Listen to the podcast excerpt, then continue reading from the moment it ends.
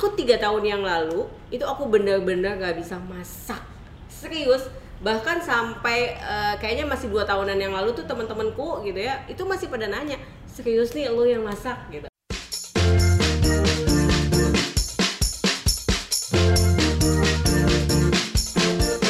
Welcome back to Hot Days, How to Find the Ways with Levilo. Hai guys, welcome back to Hot Days with Levilo. Nah, hari ini kita jauh-jauh dari barat, kita ke selatan atau slash timur dikit kayaknya ya arahnya. Uh, ke sebuah studio yang cantik milik Mbak yang nggak kalah cantik menolak dipanggil ibu teman-teman karena memang masih sangat-sangat sangat muda gitu ya. Namanya adalah Mbak Linda. Tepuk tangan dong. Nah, di studio hari ini ini studio dari Dapur Lindawati. Mbak Linda ini adalah owner dari of course karena namanya Linda dan Dapur Lindawati juga Linda ya, of course lah ya. Dapur Lindawati itu adalah milik dari Mbak Linda ini. Nah, kita langsung masuk aja uh, ke pertanyaan-pertanyaan kita karena aku yakin teman-teman di sana juga udah pada kayak ini apa sih? Ayo dong langsung masuk nih ke pertanyaan. Nah, Mbak Linda, boleh nggak sih ceritain um, dapur Lindawati itu tuh sebenarnya apa sih segmennya seperti apa industrinya atau bisnisnya itu seperti apa mulainya dari kapan dan kenapa mungkin dibuatnya dapur Lindawati ini? Oke, sambil nginget-nginget ya. Boleh. Gitu. Jadi uh, mungkin dapur Lindawati ini hadir dari ketidaksengajaan. Ketidaksengajaan. Ketidaksengajaan seorang kakak Linda, Cie. Tapi bukan kecelakaan kan? Oh bukan. Jadi aku tiga tahun yang lalu itu aku bener-bener gak bisa masak. Serius. Bahkan sampai uh, kayaknya masih dua tahunan yang lalu tuh teman-temanku gitu ya itu masih pada nanya serius nih lo yang masak gitu. Mereka tuh bener-bener gak percaya karena memang aku nggak bisa masak gitu kan.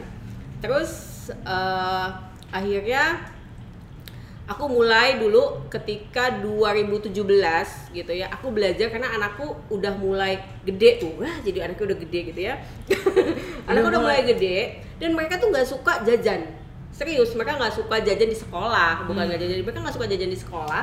Mereka tuh selalu pingin dibawain bekal. Hmm. Oke. Nah, anak-anak idaman kayaknya. Oh, enggak uangnya soalnya mintanya buat beli mainan. Oh, jadi enggak juga tapi gitu. tetap pinter dong. Tetap. Jadi lanjut, lanjut. Oh ya itu aku jadi cerita, uh, cerita seru juga gitu ya. Jadi uh, mereka bawa dia bawa kue kue-kue dari aku dan itu minta selalu ganti. Dan hmm. tahu kenapa? Mereka bilang itu enak sampai anakku itu dia cowok gitu ya. Itu teman-temannya pada minta bawain. Waduh. Bukan dibawain minta dibawain ya, beli jadi jadi bisnisnya dia sendiri. Itu sekolah dan sampai pada akhirnya kita berhenti karena pihak sekolah ngekat. Karena gak, banyak banget. nggak boleh. Jadi banyak banget gitu. Dan dia aku tuh sampai waktu itu sampai uh, nahan uang uang penghasilannya dia gitu. Kan itu jadi lebih gede dari uh, yang seharusnya dia gitu kan. Terus dari situ dan itu uh, eh ternyata uh, enak-enak ya kuenya. Kan terbukti dong gitu kan. Itu pada suka gitu kan. Gurunya juga uh, pada pesen gitu. Ya udah. hmm akhirnya dari situ aku pada saat itu aku posting sebenarnya beneran aku nggak punya tujuan untuk bisnis. Atau apa aku cuman posting terus aku mikir oh ini ketika aku posting ternyata biayanya nggak besar ya gitu kan untuk dibuat sebuah masakan. Hmm. dan kalaupun segagal-gagalnya itu bisa dimakan gitu. Jadi pada saat itu pun aku selalu berusaha bikin kue gimana caranya jangan sampai yang bantat dan dibuang. Hmm. nah itu sih sebenarnya dari akar-akarnya aku sering nyari resep aku sering nyari resep di Instagram atau segala macam banyak juga yang suka ngasih resep kok nggak enak ya? Dan itu menurut aku ih sayang banget ya aku gue udah bikin terus nih resepnya kok nggak enak ya? Ngabisin gitu. waktu ngabisin waktu ngabisin tenaga. gitu dan ya? ketika aku mau share aku kayak ragu-ragu. Orang pasti akan sekecewa aku dong. Iya iya iya, iya. Nah dan aku itu hobi banget ke selalu kepingin uh, apa namanya kalau kita terjun ya udah seriusin nih gitu hmm. jadi pada saat itu aku mulailah buat konten-konten kan waktu itu aku pakainya cuma pakai foto jadi masak sendiri uh, pakai handphone sendiri upload sendiri gitu kan semuanya sendiri terus aku udah mulai kok orang banyak yang suka dan kita mulai kepikiran kenapa sih nggak bikin kontennya yang cakep gitu. Itu foto waktu itu atau udah uh, mulai dari video-video? Mulai uh, ada foto ada video-video juga, tapi kan video pakai handphone beda dong gitu kan. hmm. kan. Jadi aku mulai eh kayaknya mungkin mulai di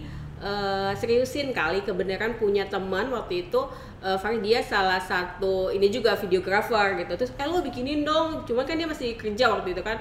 Lo bikinin dong video gitu. Jadi dia cuman sabtu minggu datang terus kita bikin konten-konten dan itu jadi jadi seru banget gitu. Karena ternyata banyak banget yang suka. Dan pada saat itu karena aku nggak kepingin belajar lama karena ternyata kita pas nyoba-nyoba itu banyak banget uh, salahnya dibuang. Itu gue bilang hmm. aku banyak banget ngikutin kursus. Bahkan saking aku lagi seneng senengnya itu aku seminggu bisa lima hari itu kerjanya kursus keliling. Kursus masak? Kursus masak.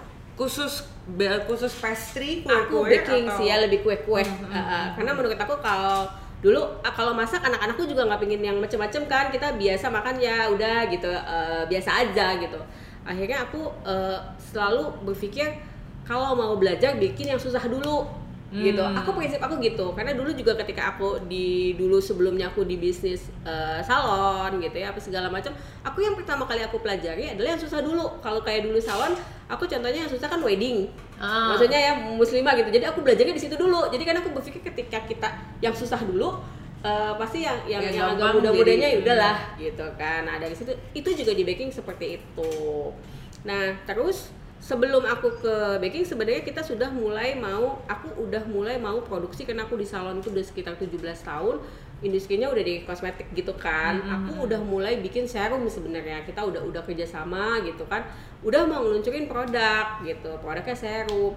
Tapi entah kenapa aku tuh berpikirnya aduh aku bikin konten ulangnya tentang segala macamnya itu kayaknya gimana gitu ya.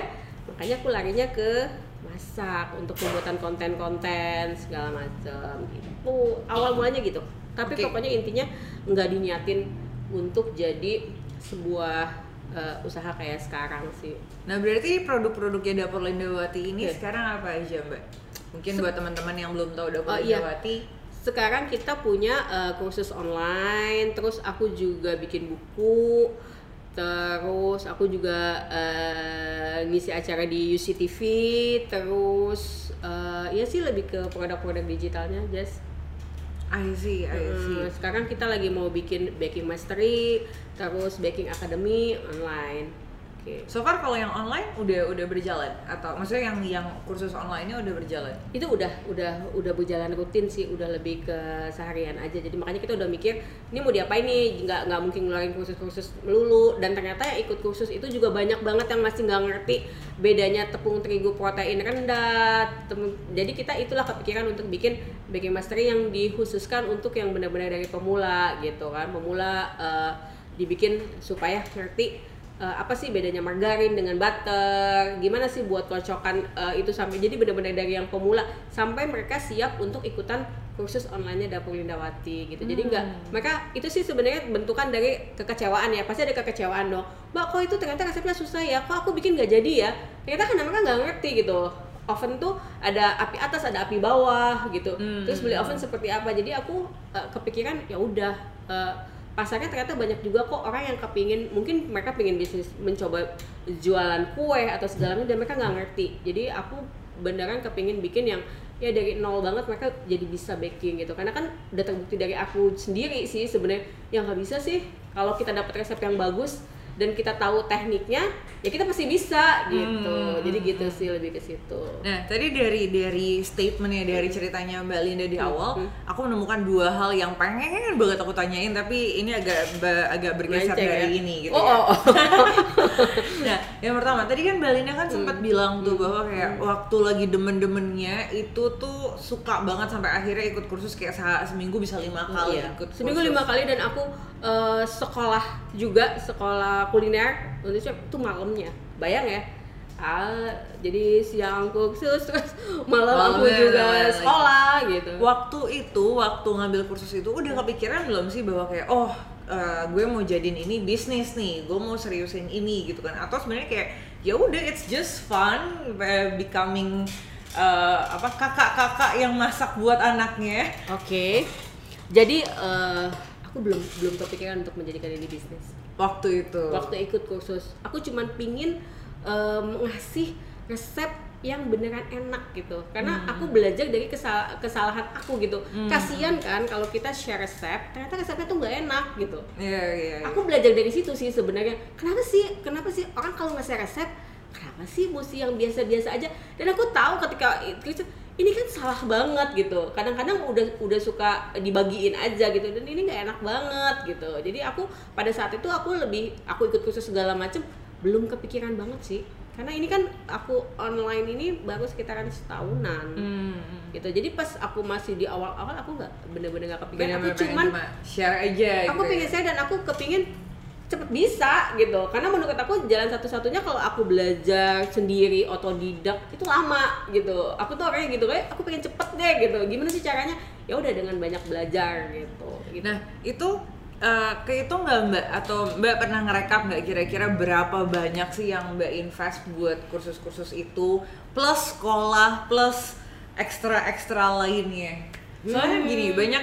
banyak banyak uh, orang-orang di luar sana banyak orang-orang di luar sana tuh yang kayak kadang-kadang tuh kalau invest buat sesuatu yang leher ke atas Sayang. kita bahasa ya gitu leher ke atas maksudnya berarti wow. sesuatu yang kayak pendidikan hmm. sesuatu yang kayak tentang skill dan kayak gitu itu tuh sayang gitu sampai mikir-mikir itu hmm itu lumayan lo uh, kalau aku bilang sih uh, investasi ke atas tuh penting banget karena pada saat itu kayaknya kita lumayan ya pak ya uh, aku tuh sebulan bisa hampir 30-an lah gitu ya untuk belajar loh pada saat Dan itu padahal waktu itu belum belum kepikiran bisnisnya. untuk bisnisnya oke okay. nah itu kenapa justru yang memicu aku untuk ketika orang sharing sharing segala macam yang terutama adalah uh, dia menghasilkan kan gitu loh karena ada kan ada titik jenuh ngapain sih aku sharing sharing doang terus kasih resep enak terus kita tetap harus dapat ini dong um, beli bahan dan lain-lain. Mm -hmm. nah dari situ justru kepikiran kayaknya harus segera dijadikan uh, bisnis gitu. Jadikan uang dan pada saat itu yang kepikiran pertama kali adalah mem membuat buku. Mm-hmm. uh, membuat buku. Pada saat itu aku ditawarin sama salah satu uh, penerbit yang besar gitu kan. Cuman pada saat itu aku mikir gitu uh, aku pengennya kayaknya kalau untuk cepet cepet balik uangnya aku mungkin self publishing ya mm-hmm. gitu. Jadi pada saat itu aku juga nggak langsung ngeluarin. Aku tunggu pada saat itu kayaknya aku tunggu sampai sekitar 50k jadi aku bener-bener mulainya Followers, itu followersnya. supaya aku bisa jualan uh, sendiri gitu self publishing karena aku bener-bener mulai de, pada saat itu yang butuh diingat itu aku bener dari awal gitu. Nggak nggak nggak ada followers sama sekali. Jadi maksudku ya jangan takut ya gitu uh, asal kita memberikan konten yang bagus sih yaitu aku bilang memberikan konten yang bagus terus aku tetap tunggu. Karena kita nggak bisa juga asal-asalan kita pengen uh, self publishing tapi kita nggak punya ini siapa yang mau beli gitu. Ya itu dan terbukti sih gitu. Pada saat itu aku lumayan hampir ribuan uh, apa namanya buku yang terjual.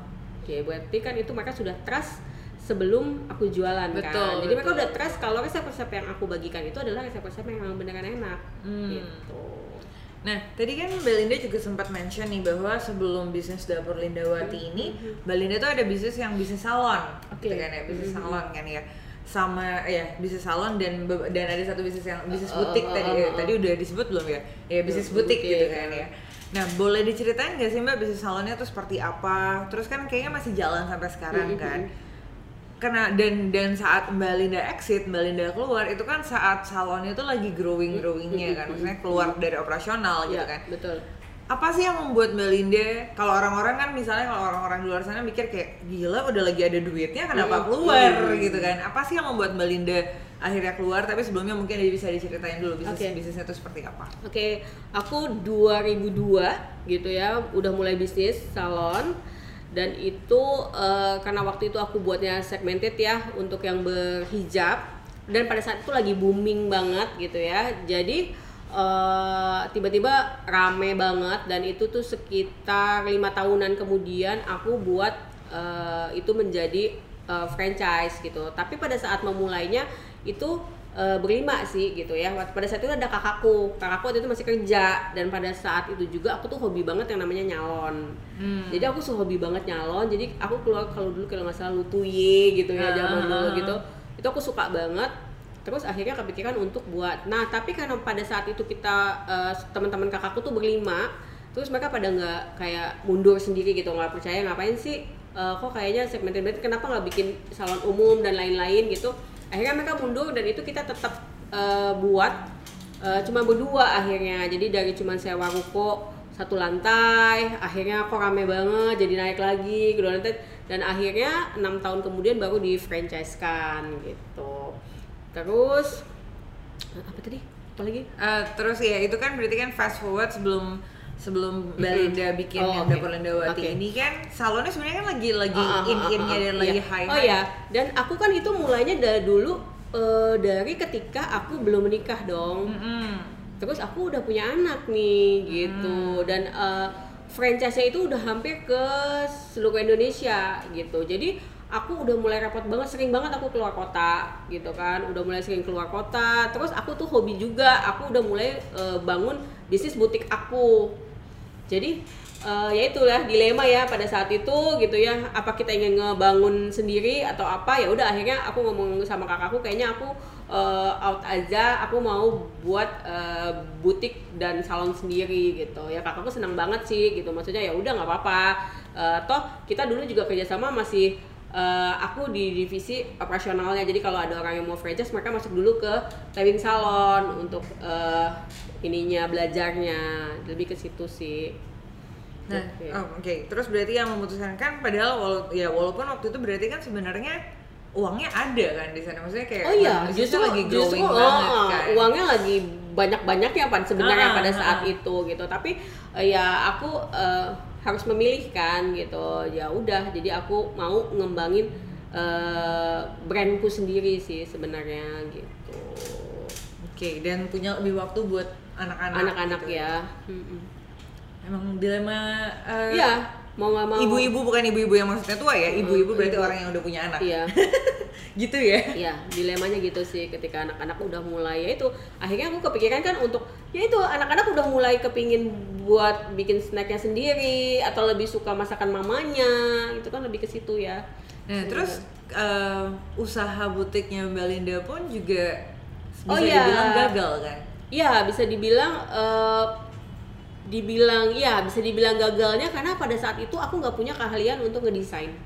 Jadi uh, butiknya pada situ rame banget bahkan udah ada juga yang minta di daerah untuk franchise-nya gitu terus mungkin ya aku maju mundur maju mundur aduh ngurusin franchise lagi dong gitu hmm. kan Misalnya, jadi eh, nggak uh, kepikiran itu bahkan aku malah justru ngebantuin temanku yang punya butik untuk buka franchise dan itu uh, laris banget gitu karena uh, buat ini apa bisa dilempar ke daerah mana hmm. sisa stokan stokannya terus lebih ke taste nya sih karena aku bukan orang desain aku sebenarnya pada saat itu kepusingan juga sih nyari desain yang terbaru apa karena uh, pada saat itu aku sebenarnya lebih ke oh ngelihat oh ini ada ada yang bagus nih kita modifikasi sedikit terus uh, produksi lebih ke situ sih yes I see, I okay. see. Tapi berarti nggak seindah itu juga jalannya ya. Udah keluar oh, dari bisnis yang lagi growing, oh, terus oh, dapat bisnis buka bisnis baru, nggak hmm. nggak langsung nggak langsung juga tapi mungkin di situ dari situ aku banyak belajar untuk di dapur Lindawati kenapa kalau orang bilang kok Balinda cepet banget ya hmm. di dapur Lindawatinya mungkin karena aku banyak belajar dari kesalahan kesalahan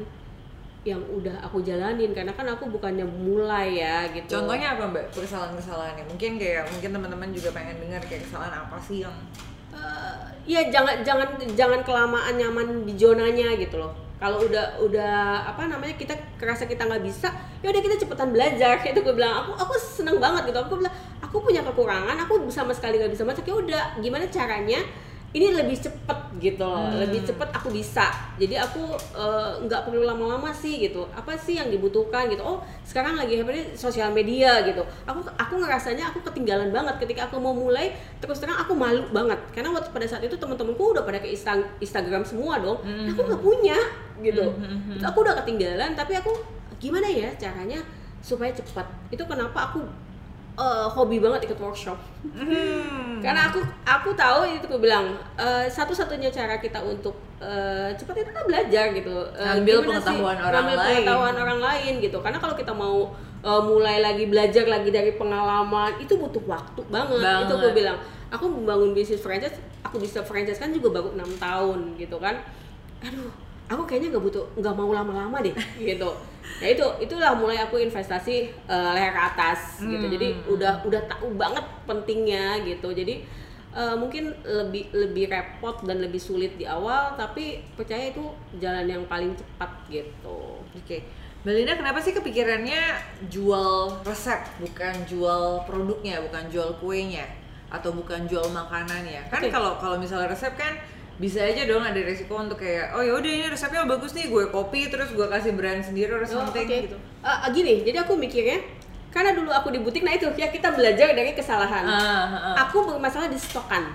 Okay. Aku berpikir kalau makanan sama dong, sama ketika dulu aku belajar, ini kalau sampai resepnya segala kebuang. Aku belajar di situ. Kalau kita ngejualnya resep dan produk digital, uh, dan aku juga yakin banget karena aku baca baca pasar gitu ya banyak banget juga orang yang seperti aku kepingin dapetnya resepnya enak hmm. yang udah terbukti enak yang udah uh, jadi gitu kan kepikirannya di situ dan itu malahan menurut aku minim banget uh, resiko gitu kan kalau hmm. kita jual ya paling resikonya kalau aku lebih ke mungkin uh, resep aku bisa diambil orang ya nggak masalah karena nanti balik lagi adalah siapa yang ngejual gitu kan. Karena hmm. uh, kayak kita ngeluarin nih misalnya terbaru aku ngeluarin lapis legit mini. Itu kan lebih ke apa namanya inovasi ya. Resep lapis legit dari zaman dulu juga udah ada. Iya. Benar kan? Benar benar dulu udah ada gitu. Gimana kita uh, memodifikasinya itu supaya jadi yang lain gitu sih. Lebih ke situ Jess Oke, okay, selain hmm. buku, hmm. buku yang fisik, okay. terus yang buku yang e-book ya. Iya, Kan ada ada online course juga. Iya. Hmm. Kenapa sih kepikiran untuk bikin online course gitu? Padahal kan uh, eh, okay. correct me if I'm wrong, okay. tapi kan kursus-kursus masak pada umumnya sekarang okay. ini kan pasti kan offline datang okay. nyobain okay. sendiri, terus hmm. bahkan masak bareng gitu kan diajarin gitu. Hmm. Itu kenapa aku mulainya jadi oleh bukannya bukannya aku nggak ada, sekarang aku ada offline-nya gitu. Tapi kenapa aku mulainya dari online? Karena itu juga belajar lagi dari aku. Karena aku pada saat itu aku hobi banget baking dan be, uh, belajar bikin kue saat ini nggak murah. Hmm. itu bisa kisaran dari satu resep dari saat yang aku ikutin ya dari 1 sampai 2 juta per resep. Hmm. dan itu uh, apa kalau aku banyak ketemu sama teman-teman dari luar daerah yang mereka bela-belain untuk datang ke uh, Jakarta. Itu, ke Jakarta. Itu uh, berarti kan tiket pesawat dan lain-lain, hotel. hotel dan lain. Aku udah kepikiran, loh, ini mereka keluarnya besar banget loh.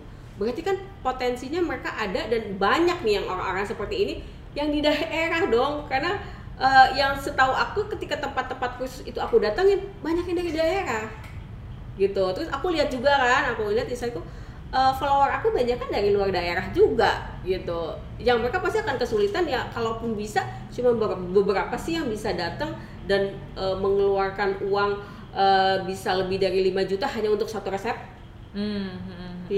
jadi itulah aku kepikiran kalau aku online semuanya bisa akses kan gitu hmm. di mana-mana tapi ya bukan berarti nggak ada kendala karena ternyata kendalanya adalah banyak orang yang nggak ngerti khusus online itu kayak gimana sumpah beneran. itu baru mau aku tanya selanjutnya. Iya. dia udah nyebutin. Lanjut. Jadi banyak orang yang nggak ngerti gitu banyak bahkan ada yang nanya uh, ya banyak yang nanya gitu mbak jam berapa nih khusus onlinenya? gitu. Terus apalagi yang lucu kalau mereka bisa?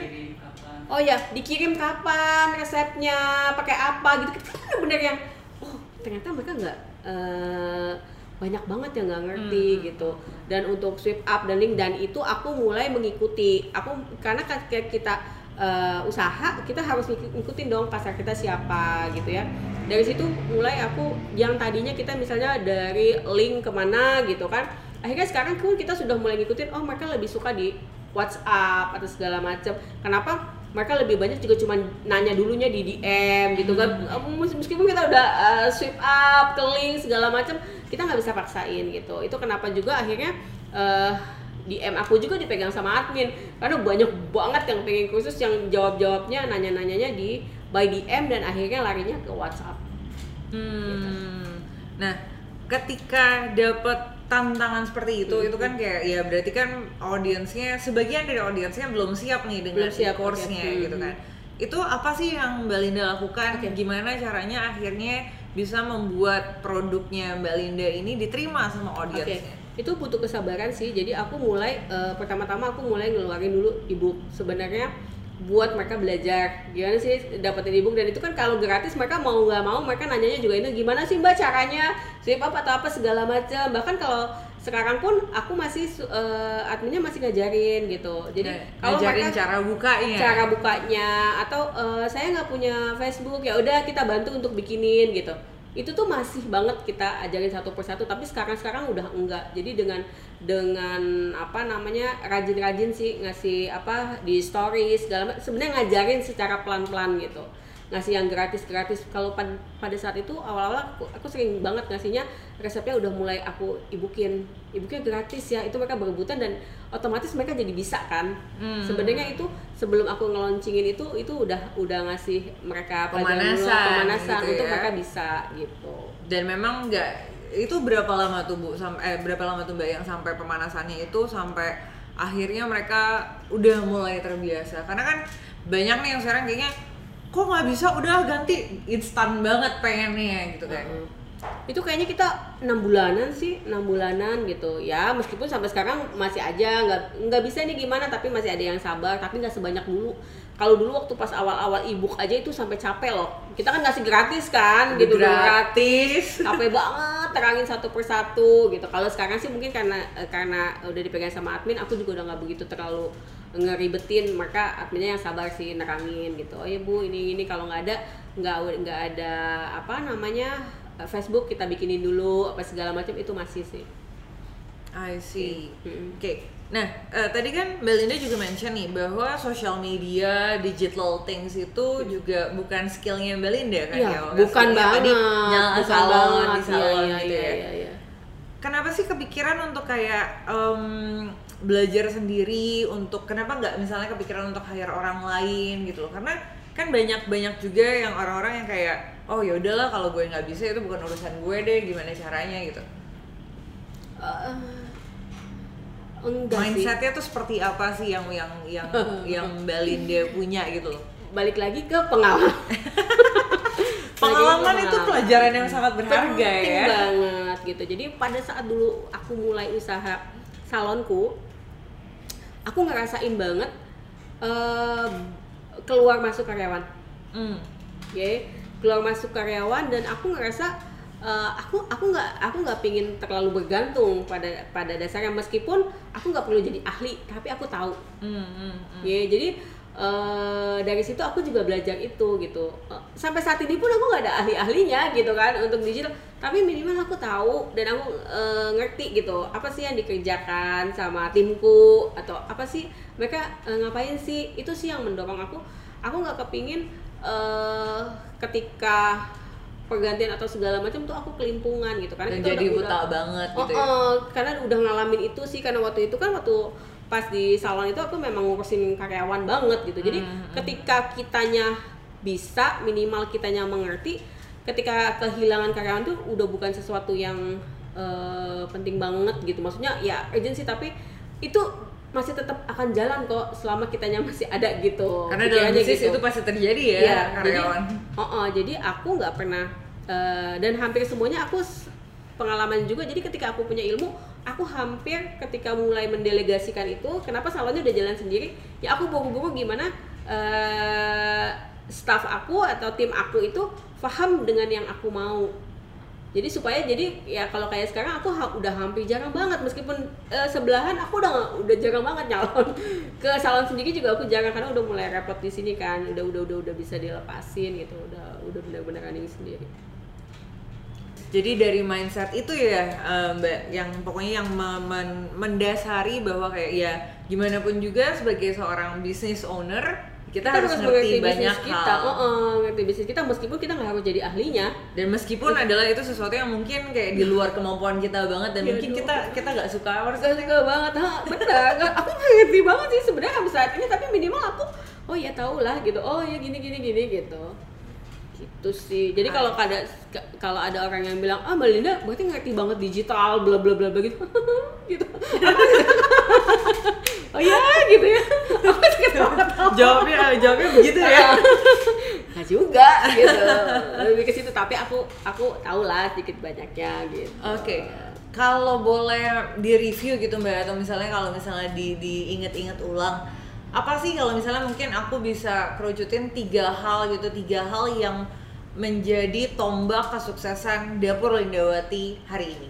Itu uh, satu sih yang jelas uh, ya kerja keras nggak akan mengkhianati hasil gitu loh. Jadi kalau banyak banget yang sekarang uh, ngelihatnya kok enak banget gitu. Dan itu aku uh, sampai saat ini banyak banget sih uh, apa haters ya atau apa gitu. Karena mereka ngelihatnya cuman yang kelihatan aja kan. Aku baru tampil terus aku bisa jual ribuan kursus atau buku gitu kan. Oke enak banget sih sepertinya dia nggak bisa masak. Mereka nggak tahu kalau aku bisa dalam lima hari bisa kursus lima hari dan malam aku kuliah lagi kan mereka nggak itu nggak akan aku tampilkan kan hmm. gitu gimana aku mungkin kalau tanya sama staff aku gimana aku yang uh, pagi-pagi datang udah bawa kerjaan bla bla bla bla udah itu abis itu aku syuting udah gini udah pergi itu segala macam itu kan nggak kelihatan dan itu nggak nggak nggak tampil kan gitu. Jadi aku rasa kerja keras nggak akan mengkhianati hasil sih. Hmm. Sabtu Minggu ya kan workshop. Hmm. gitu. Nggak ada weekend gitu ya. Kan itu nggak kelihatan gitu ya. Yang ditampilin pasti yang senang-senangnya aja. Yang mereka lihat adalah ini enak banget ya gitu. Dari yang nggak bisa masak bla bla bla tiba-tiba gitu. Posting kejual kejual gitu. kayak gitu gitu. Jadi bahkan kalau sekarang karena aku nggak ngalamin fase-fase banyak yang yang mirip-mirip sama aku dan akhirnya nanti kelihatan sendiri kok kalau yang cuman mereka nggak ternyata nggak siap gitu. Karena kalau aku lebih ke speed gitu ya. Maksudnya ya aku memang memang udah uh, serius gitu. Jadi memang bikin tim segala macem. Jadi kalau yang cuman ah gitu, semua bisa dicontek kan gitu resep bisa dilihat segala macam tapi kan yang lebih penting adalah eksekusi kan hmm, hmm. kalau hmm. kalau mereka cuma ada ide cuma itu murah gitu ya ah, itu kayak gitu aja siapa pun bisa gitu hmm. siapa pun bisa kok jadi dapur limit tapi mungkin kerja kerasnya atau apa itu itu ya itu yang uh, banyak orang nggak tahu sih di balik uh, dapur Lindawati itu seperti apa gitu. Itu satu, ada lagi nggak dua lagi gitu atau cuma satu itu aja kuncinya? Oh iya, terus belajar. Jadi aku uh, apa ya? Aku senang banget belajar meskipun uh, apa itu kan banyak orang yang bilang Mbak Linda sering banget aku ketemu juga di WhatsApp. Mbak masih belajar di sini? Ya iya aku nggak tahu segala hal kali gitu. Jadi aku senang senang banget belajar gitu. Maksudnya eh, nggak uh, malu lebih tepatnya nggak malu gitu ya nggak malu uh, kan Mbak udah bisa gini-gini. Ya enggak nggak apa-apa. Aku banyak uh, bahkan dari hal-hal kecil juga aku uh, belajar banyak gitu. Jadi maksudnya ya belajar lah gitu gak bisa belajar belajarnya tuh biasanya yang memang terkait sama bisnisnya Belinda atau bisa tiba-tiba kayak yang out of the zone out of the business uh, gitu-gitu? kalau aku bilang sih uh, bagusnya uh, yang di bisnisnya kita dulu gitu ya sampai kita uh, udah benar-benar ngerti baru bisa di ke mana-manain nah sekarang tuh udah mulai kepikiran aduh pengen ini pengen ini pengen ini sekarang tapi kan gitu nah itu tuh berapa lama sih prosesnya sampai ini mungkin buat biar teman-teman tahu bahwa prosesnya itu nggak mudah dan dan nggak seindah kelihatannya apa yang dilihat di Instagram doang okay. gitu. Mulai dari kita, mulai dari Mbak Linda bikin yang namanya konsep dapur Lindawati sampai akhirnya bisa menghasilkan uang dari dapur Lindawati itu berapa lama tuh? Dua tahun ya dua tahun tapi yang nggak bisa dibayar adalah pengalaman 17 tahunnya di itu udah tumpukan sendiri gitu ya? Ya mungkin dua tahun ya pak ya lebih tepatnya ya. Ya dua tahun Agustus. berarti dua tahun itu ngelakuin ngasih ke orang maksudnya kayak bikin ya sesuatu di Instagram di sosial media tanpa ada nggak ada nggak ada kepikiran nggak kepikiran. mau dibisnisin nggak kepikiran apa-apa aku cuma pengen ya cuman pingin kasih uh, resep Value. yang enak uh, uh, buat orang-orang jadi nanti uangnya juga uh, datang sendiri itu hmm. sih mungkin oke okay. nah um, di selama tadi 17 tahun plus sekarang di Linda, dapur Lindawati gitu kan ya atau bahkan sebelum itu apa sih mbak atau kapan sih mbak lowest point of your life kapan sih mbak merasa bahwa dalam hidup mbak ini adalah itu kayak lowest banget mungkin buat teman-teman juga yang yang lagi merasa bahwa hidupnya sekarang lagi di lowest point of their life-nya. Terus apa yang terjadi waktu itu dan gimana caranya Mbak Linda bisa bangkit dari lowest point of your life sampai akhirnya bisa excellent di Dapur Lindawati ini? Mungkin bukan cuma sekali ya, sering. cuma nggak kelihatan karena dibawa ketawa melulu ya aku yang pertama kali adalah ketika aku meninggalkan bisnis uh, salon uh -uh. Itu ya itu benar-benar gitu itu benar-benar dilema banget segala macam. Aku sedih aja gitu kan. Pada saat itu sama ketika kalau di uh, dapur Lindawati itu ketika aku banyak banget haters. Waktu itu justru dari orang-orang yang tadinya aku kagumin banget hmm. gitu loh. Itu tuh ya itu ketika bisnisku naik mereka oh itu mah cuma bisa-bisanya aja segala macem dan mereka uh, udah mulai ini banget sih udah mulai itu sih gitu ya. Terus di situ aku aku belajar mungkin ketika uh, kita nggak ada yang eh kalau kita belum ada haters segala macem berarti kita belum uh, tumbuh gitu ya katanya saat di itu, titik tertinggi itu iya. biasanya anginnya kenceng ya mbak ya iya. dan itu pada saat itu aku sampai berhenti beberapa saat untuk nge-share resep saking aku kecewanya gitu loh kenapa sih ini Udah tuh aku baik, nah gitu, ya. gitu. Dan orang orang berpikirnya cuman ah ini orang sosokan banget sih. Padahal aku nggak ada niat itu gitu loh. Uh, aku share resep enak dan lain-lain. Ya mungkin mungkin ada beberapa kesalahan aku juga gitu ya. Karena mungkin uh, pada saat itu aku cuma nggak ngerti aja ketika aku dapat uh, share resep yang enak ya aku share aja gitu. Mungkin ya ada beberapa uh, guru-guru aku yang nggak suka atau segala macam kok resepnya dibagi-bagiin? Ini sok banget segala macam. Padahal pada saat itu aku nggak nggak itu akhirnya aku berhenti pada saat itu. Sempat berhenti deh. Kira masa sebulan ya gitu ya. Aku nggak ngasih resep. Tapi banyak teman-teman aku dan aku banyak banget dapat di eman ketika mereka pada bilang mbak aku terima kasih banget resepnya mbak Linda. Aku misalnya uh, single parents. Akhirnya aku bisa buka bikin kue enak dan sekarang aku uh, jual mbak. Dan itu laku itu bikin aku oh, kenapa aku mesti mikirin segelintir orang yang nggak suka sama aku sementara aku bisa ngasih manfaat banyak buat yang benar-benar uh, perlu. Dia mulai saat itu aku udah mulai nggak ngedengerin dan ternyata iya ketika kita uh, mulai nggak ngedengerin yang negatif-negatif gitu uh, kita justru lebih enak gitu. Ya biarin aja terserah gitu. Jadi bahkan aku sudah nggak mikirin mau resepku ini mau ditiru orang mau segala macam aku enggak karena ternyata ketika kita juga banyak gitu ya banyak menghasilkan lagi yang baru-baru kita udah nggak mikirin tuh resep kita ini resep uh, aku apa bukan ya? Ini dalamnya udah enggak udah enggak sama sekali. Tapi gitu. memang ya kalau yang kayak gitu tuh yang kayak DM DMan orang itu kayak jadi doping terbesar banget, banget ya mbak. Banget banget. Terus mungkin aku didukung sama keluarga ya. Mm-hmm. anak-anakku tuh udah mulai seneng banget uh, aku dikenal jago masak atau segala macem. Jadi padahal tiga tahun yang lalu gak tahu apa itu cuma bikin pisang goreng gitu puding. Itu puding kebanggaan dan gak kayak gitu gitu mungkin duku, du, lebih ke dukungan keluarga dan, dan lebih senang banget sih ketika uh, keluarga apresiasi untuk uh, sesuatu yang aku lakukan gitu. Oke.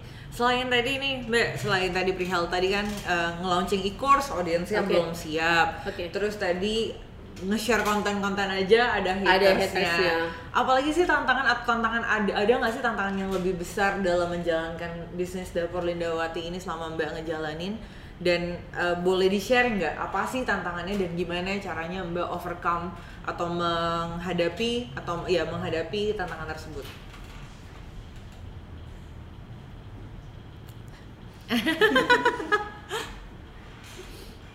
tantangan terbesarnya apa?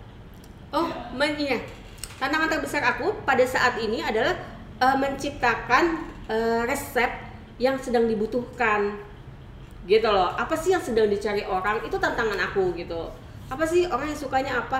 Terus gimana sih caranya uh, bikin resep tradisional yang sebenarnya enak tapi masih bisa diterima gitu. Itu tuh sih uh, apa hal-hal yang uh, mesti dipikirin banget gitu kan. Nggak cuma ngeluarin, oh iya ini resep ini cuma resep aja gitu resep ini aja nih resep enak tapi gimana caranya uh, dapur Lindawati ini punya value yang lebih gitu itu kenapa sebenarnya aku mengkhususkan untuk sebenarnya awalnya mengkhususkan untuk yang orang bisa juga dijadikan usaha. Kenapa sekarang aku lebih concernnya ke resep tapi udah mulai ke packagingnya seperti apa. Jadi ketika orang ikut di kursus aku, mereka udah bisa langsung jualan. Nggak cuman saya resep bikin kue jadi, terus gimana ya caranya? Gitu. Hmm. Gimana sih bentuknya supaya lebih enak? Jadi aku lebih concernnya sih tantangan aku sekarang lebih ke situ sih. Sama ya itu uh, apa? SDM tadi mbak sempat mention SDM, SDM juga gitu kan. SDM juga susah untuk menemukan orang yang uh, passionnya sama banget nih gitu. Karena kadang-kadang ada juga yang uh, aku punya beberapa chef gitu kan yang yang uh, udah bisa tapi mereka nggak tahu nih tesnya apa sih di pasar tuh yang lagi laris apa sih kira-kira? Misalnya kayak sekarang mau ya oh ya lapis legit dong gitu. Atsnya, tapi lapis legit beda dong sama yang lain. Kita bikinnya yang yang mini yang orang bisa uh, dalam satu box bisa nyobain banyak rasa gitu. Kayak gitu. Lebih SDM-nya sih yang agak aduh susah gitu ya. Tapi kembali lagi seperti yang pelajarannya dulu kalau kitanya bisa itu udah nggak jadi tantangan yang terbesar banget sih meskipun jadi nomor satu kan kita bisa oh ya seburuk-buruknya pun ya udah kita Ganti masih orang bisa. pun kita tetap kita siap, masih siap. gitu ya. nah itu itu yang, yang yang wajib banget belajar banget sih gitu. Sama ya itu tantangannya di dunia digital aku kan uh, uh, agak nggak paham banget juga jadi ya mesti banyak-banyak belajar banget dan nggak berhenti belajar nggak berhenti. I see I see. Nah mbak kalau misalnya nih mbak bisa ngasih advice ke diri mbak yang waktu berarti masih masih 20 kuliah itu 20 tahun. gitu. Aduh. What would you say? Apa yang bakal mbak bilang ke um, diri mbak yang waktu 20 tahun itu? Hmm, ih kamu telat banget sih. Pokoknya kamu tuh jangan banyak main-main. Kerjaannya main-main mau gitu. Kalau aku bisa balik ke 20 tahun yang lalu makanya aku nggak mau dipanggil ibu. Ah aku pengen uh, masih berjiwa muda untuk segera memulai usaha aku. Aku suka ngebayangin gitu dulu aku main-main melulu sih. Seandainya aku bisa uh, balik lagi aku tuh pengen serius buka usaha dan aku ingin uh, apa namanya mendulang suksesnya lebih uh, muda gitu. Jadi pokoknya buat yang 20 tahun jangan banyak main-main. Uh, mulai deh. anyway tapi tapi mbak Linda kan pernah sempat pernah kerja kan ah cuma sebentar orang tua orang tua backgroundnya kerja Eh, atau enggak, usaha mamaku ibu rumah tangga, papaku eh, pelayaran. Enggak, justru justru kita dulu dipacunya kita berdua, aku dan kakakku gitu ya. Kenapa jadi pengen usaha? Karena pada saat itu kan kita papa kita seringnya keluar gitu kan dan terus mamaku ibu rumah tangga dan ya udah kita tuh mandiri banget sih sebenarnya. Kita tuh eh, aku empat bersaudara, eh, aku anak kedua, kakakku anak pertama itu kita sama-sama perempuan yang eh, dididik untuk tough banget sih mandiri gitu. Jadi memang sebenarnya sih kalau dibilang background dari sekolah juga aku udah hobi jualan gitu. Ya, jual-jual apa itu bahkan dari masih SMA gitu. Jadi kerja juga itu nggak bertahan gitu. Kerja tuh kayaknya waktu itu aku kerja 8 bulanan gitu di perusahaan Jepang di Batam itu yang udah sih buka usaha sendiri itu kepikiran aku bilang aku suka hobi nyalon jadi enggak aku nggak lama. Jadi aku bilang sama kau ya kita buka dong gitu. Cuma kan pada saat itu aku nggak punya uang dong gitu kan. Baru lulus kuliah kerja cuma sama ya itu akhirnya aku uh, ngegait kakakku dan teman-temannya itu gitu.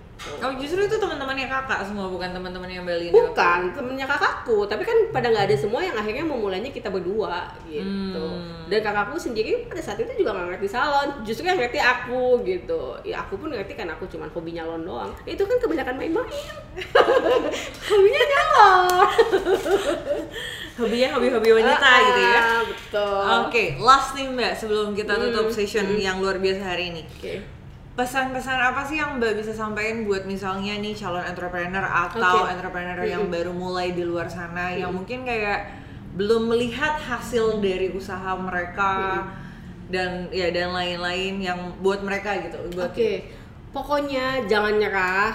Terus eh, nggak ada kata nggak bisa sih kalau aku bilang gitu. Jadi ketika kita, kalaupun kita ngerasa kita nggak bisa, ya banyak belajar gitu. Mau belajar, sering sebenarnya sering-sering sharing sih. Nggak usah mikirin dulu eh, ini hasilnya seperti apa, tapi kita bagi dulu hal yang terbaik. Itu aku bilang nanti uangnya nyusul Nyusul. uangnya nyusul terus eh, udah nggak ada kata nggak mungkin kalau aku bilang jadi kalau orang bilang ah nggak mungkin aku nggak bisa ini nggak bisa. Aduh beneran aku bahkan pengen bilang sama mereka semua gitu aku beneran nggak bisa masak gitu. Terus terbukti bisa gitu. Selama kita mau kerja keras sih gitu dan banyak belajar. Oke Gitu, oke luar biasa. Thank you Mbak Linda atas Sama-sama. waktunya. Hari ini tuh kalau boleh aku sama kita belajar sesuatu yang luar biasa banget. Karena Hmm. Siapa sih yang nyangka seseorang yang tadinya memang nggak bisa masak bisa kepikiran untuk bikin bisnis di bidang Ya. masak Nah, gitu kan. itu, ha. So it it means that nggak perlu sesuatu nggak perlu berdasarkan apa resources yang kita punya Mm-mm. tapi kita bisa menambah resources itu itu Ya. itu mindset yang aku dapat dari Mbak Linda hari ini di mana kalau misalnya kita nggak punya ya kita cari Kita kalau cari. kita nggak punya ya kita belajar gimana caranya supaya memang kita bisa memberikan yang terbaik Betul. memberikan value terbaik yang akhirnya mungkin uangnya menyusul di Menyusul, kemudian hari Oke, sip. Uh, thank you atas waktunya Mbak Linda. Thank you Sama-sama. juga sudah datang, sudah kita boleh mampir ke studio yang cantik ini, studio idamannya para wanita biasanya ya. Um, buat teman-teman yang kalau misalnya penasaran resepnya Mbak Linda itu seperti apa atau mau ikut online course-nya dan um, workshopnya ya Workshopnya. berarti ya. Workshopnya teman-teman bisa lihat di Instagramnya Iya, at at dapur underscore Lindawati. Lindawati pakai Y, pakai Ya, Y Y. gitu ya. L I N D A W A T Y. Nah, em, dan kalau misalnya udah berhasil jangan lupa mention Belinda, DM ke Belinda karena itu suatu doping, suatu Doping, power ya, betul. yang membuat Belinda tetap langsung berkarya, tetap terus berkarya gitu ya, ya, Mbak betul, ya? betul. Okay guys, see you on the next um, podcast and the next video. keep inspiring and keep learning. Bye bye.